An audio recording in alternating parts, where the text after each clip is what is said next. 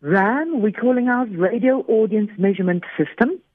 It is the BRC's new radio audience survey. We're referring to it as Baby RAN because it's the first report of what we expect to be once it has an annual sample size, which will be much larger than our first report, which is covering two quarters, January to June. We're calling it baby because it's crawling. By September, it will be a little teenager. By the end of the year, when we have 12 months of, of data, we'll have a sample big enough to call it a mature young adult. Hammond sê die manier waarop die baby ram stelsel werk verseker meer geloofwaardige resultate as voorheen. The survey uses sampling or samples in uh, proportions equal to the population. So, for example, if we have 85% of the South African population is black, 85% of our sample will be black. If 65% of people fall into LSM 5 to 8, 65% of our sample. Just so that you're not using extra methods of weighting to correct your sample and make it speak about the population, stretching your sample in various ways, which the previous survey did. So toon die stelsel byvoorbeeld dat RSG meer as 1,4 miljoen luisteraars het, waarvan 50% bruin, 48% wit en 2% swart is.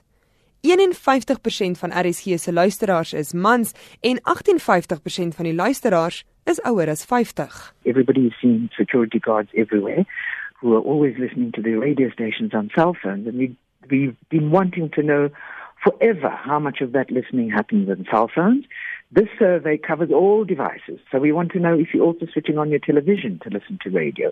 We want to know how much is being done on tablets. And surprise, surprise, a huge amount of listening happens on cell phones, as we expected. Van RSG se meer as 1,4 miljoen luisteraars het 83% aangedui hulle luister na RSG op fisiese radio's. 32% luister in die kar, 18% gebruik hulle selfone, 8% hulle televisies en 2% 'n rekenaar. Hammond sê daar is ook gekyk na ligging.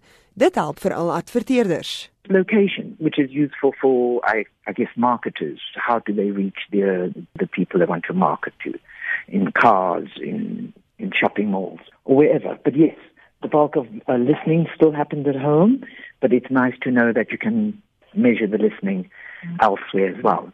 The data mostly is just very, very stable, beautifully stable for the first time. Yes. Die provinsie waar RSG die gewildste is, is die Wes-Kaap, waar 40% van die stasie se luisteraars bly. Hammond sê die nuwe stelsel kyk na alle inkomste groepe. In die verlede is daar volgens haar te veel gekyk na net luisteraars in die stede terwyl die landelike gebiede afgeskeep is. Daar is ook glo te veel op kommersiële stasies gefokus.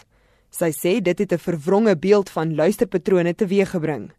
Sy sê daar is ook in baie gevalle na spitstye verwys wat nie noodwendig waar is nie. So our stations as well, Metro FM, our urban stations have also had to have a little bit of an adjustment, a reality adjust that your audiences are actually not quite that large, but now they're based on much more robust samples and the data the biggest thing it shows as well is that listening is happening far more across the day than the SAF instrument was able to pick up. Die nuwe meningspeiling toon dat die meeste van RSG se luisteraars uit hoër inkomste groepe kom en dat 54% van die luisteraars op kleiner dorpe woon en net 33% in die metro's.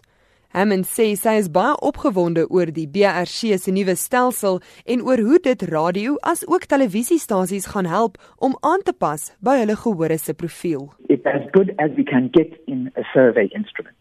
Angie Hammond is die hoof van die SAIK se marknavorsingsafdeling. Ek is Henry Wondergem vir SAIK nuus.